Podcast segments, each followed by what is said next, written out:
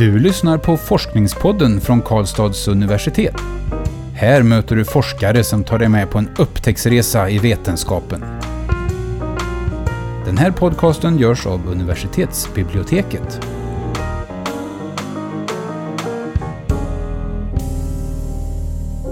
Hej och välkomna. Mitt namn är Nadja. Jag heter Magnus. Och med oss via Zoom har vi idag Kenneth Sandelin. Varmt välkommen Kenneth. Tack ska ni ha. Vi ska prata med dig om din forskning om historieundervisning i mångkulturella klassrum idag. Eh, och till att börja med eh, skulle jag gärna vilja veta om du kan berätta lite om vad du undersökt i din LIS. Eh, det som jag gjorde det var att jag lyssnade av erfarna lärare som berättade om sin historieundervisning då i mångkulturella klasser. Eh, och eh, det var framförallt då innehållet som jag var ute efter. Inte så mycket hur man gör utan vad man väljer ut och vad det är som man läser om. Så jag hade egentligen att lyssna av gruppsamtal som det bestod av ganska mycket. Då. Att man diskuterar med varandra, de här fem, sex lärarna, eller fem stycken var det, som hade fokusgrupper. Sen hade jag också individuella intervjuer. Så det är en kvalitativ studie som gör att man kan inte generalisera på något vis och säga att så här gör historielärare. Däremot så är det ju ett sätt att hantera undervisningen på och kan ge en del impulser och så vidare som var rätt intressant. Bakgrunden var ju då mycket internationell forskning. Det finns ju inte så mycket svensk forskning på klassrumsstudier på den nivån så det var ju lite spännande. Då. Varför är det viktigt att undersöka det här? Nej, jag eh, hade ju många bakgrunder till detta. För det, för det första tänkte jag ju ganska mycket på, inte minst utifrån min egen undervisning som jag bestått av gymnasie och högstadieundervisning i SO-ämnen och inte minst historia. Att eh, föreställningen om historieundervisning och innehållet inte minst då bygger ju väldigt mycket på att det är minnesinlärning och att det är att man repeterar så att säga en kanon mer eller mindre. Då.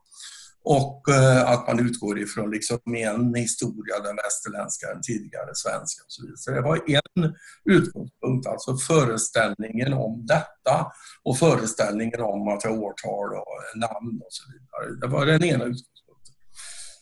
Och då i det läget så tänkte man naturligtvis på hypotetiskt om så skulle vara fallet. Och hur är det att då sitta som eh, ungdom som kommer från olika länder vidare, som inte har det kulturarvet och den bakgrundsförståelsen på något vis. Då.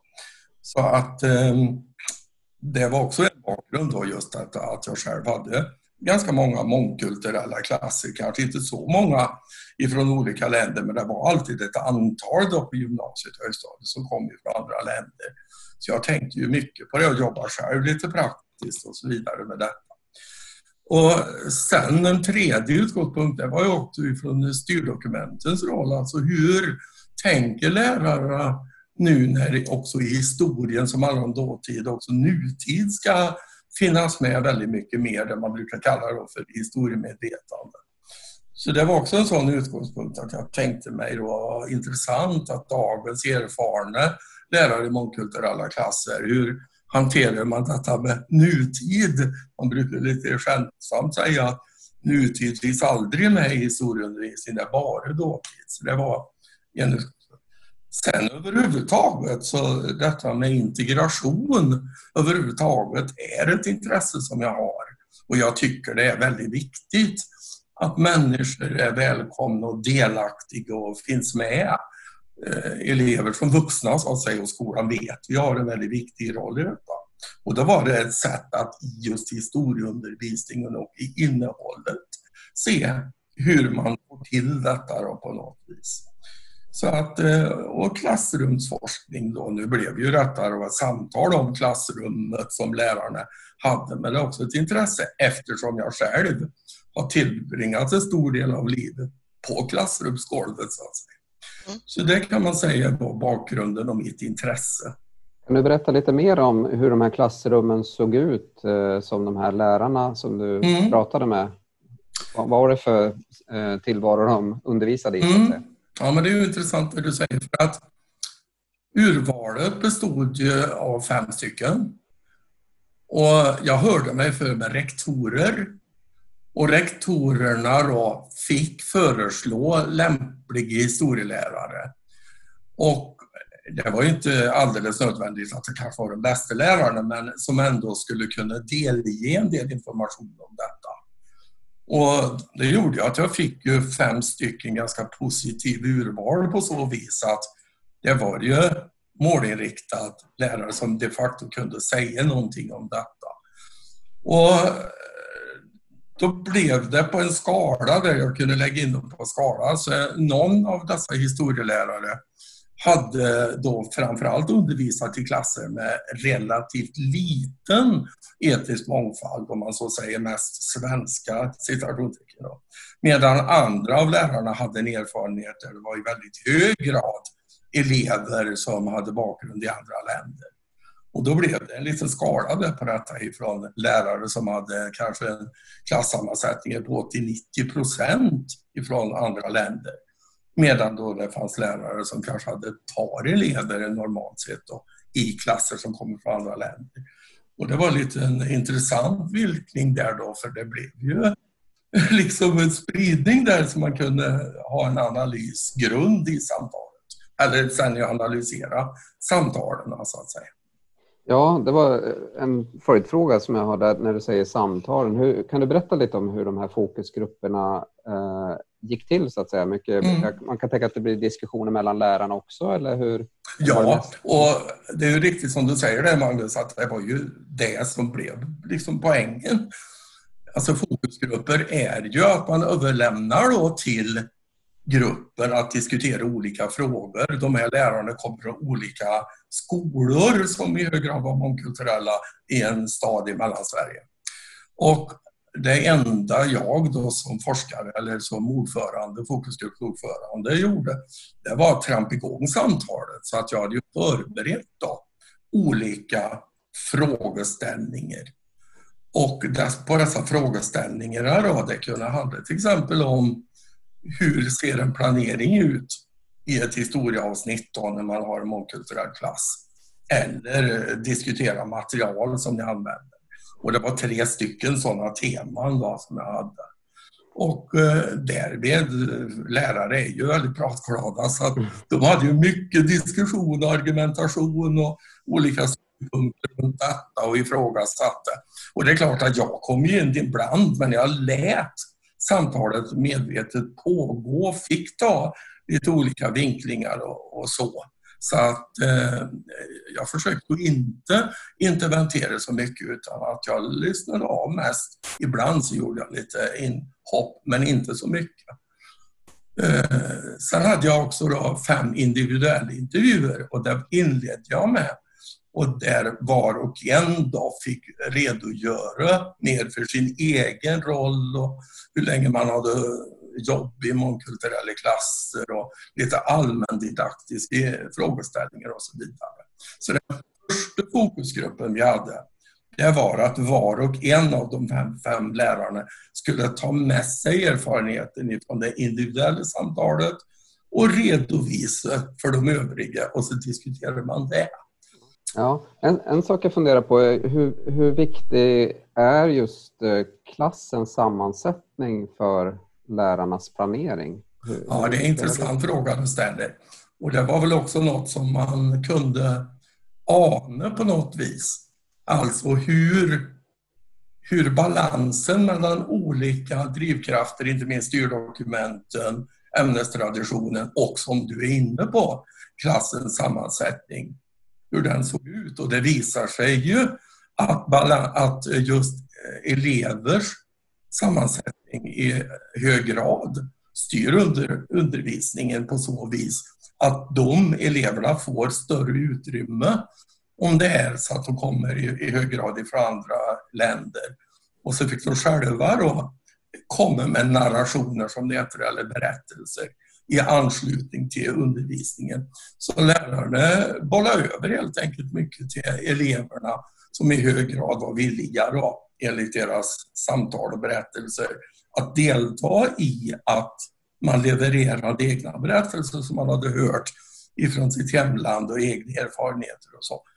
Eh, medan då om det var mindre utgångspunkt eller mindre etisk blandning så att säga i klasserna, då höll man sig mer till den traditionella berättelsen. Alltså mera av den traditionella lärandeberättelsen, den stora historien så att säga. Och det gavs ju inte eleverna lika stort utrymme då till att själva utveckla och komma med narrationer. Men det innebar inte, utan även den undervisningen, den typen av klasser hade ju förändrats ganska mycket. Så det var väl också en, en sån aha-upplevelse som jag fick. Mm. Men, men visst hade det betydelse, den etniska sammansättningen i klassrummet. Svar ja. Var, var det här någonting som lärarna själva reflekterade om, precis det som du beskriver nu eh, i, i era samtal, eller var det mer ett resultat som du själv kom fram till efteråt? Det var ju lärarna själva och berättade ju om hur man involverade eleverna, men däremot så var, det, var man nu inte i så hög grad medvetna om att man själva analyserade på det sättet. Utan eh, det blev mer ett resultat av studien så att säga. Men man redogjorde och samtalade ganska mycket om hur man gick tillväga för att få med eleverna mm. i stor utsträckning. Då. Så att, eh, jag skulle nog säga att det var mer ett analysresultat än en medvetenhet. Det var nog, som jag upplevde det och som jag såg i studien, att det var mer ett resultat av strategier som man hade provat ut och som man kanske inte hade satt direkt ord på. När du ändå är inne på det så är just detta som du är inne på en poäng med att forskning möter lärare, professionen så att säga, och sätter ord och strukturerar upp så att säga den kunskapen som ändå finns hos lärare. För det var ju en, en hög grad av lärarkompetens som man såg i detta samtalet, absolut. Mm. Så att um, det behövs nog att synliggöra det.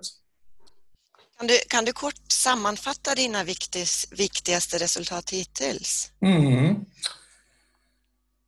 Ja, för det första så skulle jag absolut vilja säga då att föreställningen om att ingenting har hänt i historieundervisningen utan historieundervisningen går sin gilla gång som den alltid har gjort.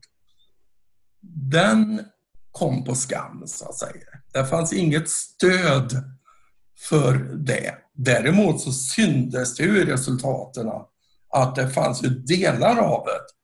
Och den traditionella stora historienarrationen, om man så säger, den västerländska, svenska, nordiska historien, den fanns där som en grundberättelse oavsett sammansättning av klasser. Men utifrån den så syntes det då ändå förändringar, till exempel så syntes det stora förändringar utifrån hur man använde tid. Föreställningen om att man enbart har den kronologiska tiden. Den kom på skam för man utgick, visserligen så var det ju bara sex stycken, en kvalitativ undersökning, men ändå i den undersökningen så utgick man väldigt mycket ifrån nutiden för att sedan backa tillbaka och ta en historisk diskussion utifrån nutiden. Det var en sån sak där jag tycker att det fanns eh, stora, Eh, ett stort resultat. Att eh, det blev ju en förändring på själva berättelsen om man nu tar en nutidshistoria och utgår från en nutidshändelse. Eh, sen var det ju mycket mer av att tänka historia än vad kanske föreställningen är. Föreställningen, traditionen och mycket av traditionen har ju varit att lära historia. Att man ska komma ihåg ganska mycket stoff. Det är inte borta på något sätt. Det är klart man ska kunna historia, men man gör något med det också. Till exempel att man sätter in det i olika analyssammanhang i större utsträckning än vad jag kanske hade tänkt ifrån början. Kan, kan du ge ett exempel där? Ja, till exempel så kunde man, hade man pratat ganska mycket om att man tittar på eh, Eh, långa linjers förklaringar till olika händelser som har skett, till exempel första världskriget. Vad är det för långa förklaringar, alltså förklarings och utvecklingsskeenden i stor utsträckning. Och eh, jag kunde ju se att man dels hade de här längre skeenden men så hade man också då på lite mer kort sikt och så vidare. Och där man då plockade in olika skeenden för olika eh, tidsperioder och så vidare. Det var en sån där sak som jag tänkte på. Sen eh, just utvecklingsperspektivet fanns i stor utsträckning. Alltså att man lyfte upp berättelsen och såg hur har utvecklingen gått. Och det krävs ju en tankeverksamhet. Det är inte samma sak då som att liksom rabbla upp vad man har lärt sig då, utan då får man ju verkligen tänka till. Så urvalet är mycket mer utgående på vilken tankeprocess man, man ska använda till helt enkelt. Det är den stora skillnaden. Och det fanns många efter. Eh, sen det jag kallar i studien då minoritetsanpassning. Det fanns ju då i de grupper, i de klasser där det då var utpräglat elever som kommer från andra länder. Alltså att det blev berättelser också som de själva hörde kom ifrån deras hemland och så vidare. Och det brukar man kalla det för en minoritetsanpassning istället för en majoritetsanpassning då, som är utifrån vår traditionella historia, vårt kulturarv, vilket också är viktigt. Eh, det är också en del att man tänker historia, att jämföra olika berättelser med varandra. Det fanns också exempel på, som ett tredje exempel, på där man lät elever arbeta fram en egen kompromiss, skulle man kunna säga. Att man utgår ifrån olika historiska skeenden, jämför någon nutidsrevolution. Jag kommer ihåg att de tog den här afrikanska nordafrikanska revolutionen jämförde med några av 1700-talsrevolutioner.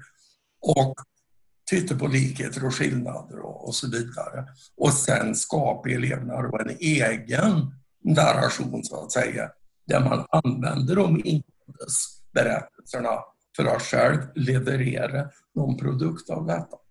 Och det är också exempel på en tankeprocess då, där man brukar kalla det för metanarration. Så att det var många sådana uppslag som jag tänkte på som man som historielärare ändå kan ha glädje av. Jag vet någon av mina studenter som har läst säger just det, att en del av de här exemplen blir man lite sugen på att uh, själva prova då, i klasser och sådär. Mm.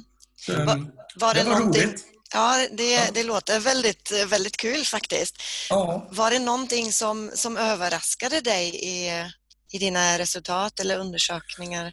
Jag skulle vilja lyfta upp just balansen, lärarnas förmåga att balansera olika narrationer, alltså från minoritetsanpassning till majoritetsanpassning, balansera elevers inlägg, alltså elevers medverkan med det som styrdokumenten säger på kulturarv. Exempelvis att också ha en balans mellan kulturarv och nytt eller utveckling om man så skulle kunna säga. Mm. Så det är väl det som jag blev mer överraskad och som jag blev väldigt positivt överraskad och tyckte lärare gjorde väldigt, väldigt bra. Att just hålla denna balansen. Och då poppar det upp i mitt huvud, är inte det en ganska fin integration? Uh, Kenneth, det är en licentiatsuppsats du har skrivit. Uh, finns det frågor mm. att gå vidare med och kommer du att forska vidare? Ja, det som på seminariet då, eller på disputationen väcktes då av opponenten var ju eh, möjligen någon grund för en metodbok så att säga. Och det finns ju underlag för, men då måste ju språket och layouten och så vidare göras om. Så jag får väl fundera i de banorna. Jag har inte, jag har inte tänkt så mycket på det just nu. Men jag är ju fullt medveten om att det finns det utrymme för om jag känner tid och lust och så vidare. Jag jobbar ju som timlärare nu och skulle väl ha utrymme för eller skriva någon artikel eller så. så att det är väl de två sakerna jag har tänkt på, inte minst om en metodbok. Eftersom mångkulturella klasser, det träffar ju alla SO-lärare på så att säga. Mm. Oavsett vilket ämne. Och visserligen var detta historia, men det skulle också, tycker jag, mycket väl kunna glädja SO-lärare överhuvudtaget. Så det är, det är svaret på vår nästa fråga, för det var egentligen eh, vem hoppas du kommer att läsa din avhandling? Ja, precis. Jag föregår det lite grann. Nej, men visst, historielärare såklart. Men mm. lärare överhuvudtaget som är intresserade av integration, intresserade av att eh, människor kommer in i undervisningen, men speciellt med fokus på SO-undervisning. Och då tänker jag att det kan ju vara både gymnasielärare, högstadielärare, mellanstadiet och så vidare. För det, den är ju ändå tänkt att den kan läsas av lite bredare grupper. Och även om man inte är så lärare utan enbart intresserad av integration. Fast det är klart, det blir ju lite speciellt språk och så där, det gör det ju. Men man kan ju alltid läsa lite i urval beroende på vilken sorts lärare man är. Ja. Eh, tyvärr börjar det bli dags för oss att avrunda eh, det här samtalet nu. Men eh, en sista liten fråga där. Vad har du eh, för tips till andra doktorander som kommer efter dig? Vad har du lärt dig av din avhandlingsresa? Eh, men det är väl den erfarenheten och det skriver de också i förordet. Att det tar väldigt, väldigt lång tid och eh, man får ju reducera bort väldigt mycket av materialet som man skriver fram för att få ändå de här 120 sidorna då, eh, så bra som möjligt. Så det är väl tidsgången. För många gånger så har jag växlat då mellan undervisning och sen har haft en skrivprocess och så där med några timmar åt gången. Mm. Och det har jag funnit att det är väldigt svårt. Man bör nästan ha lite längre pass.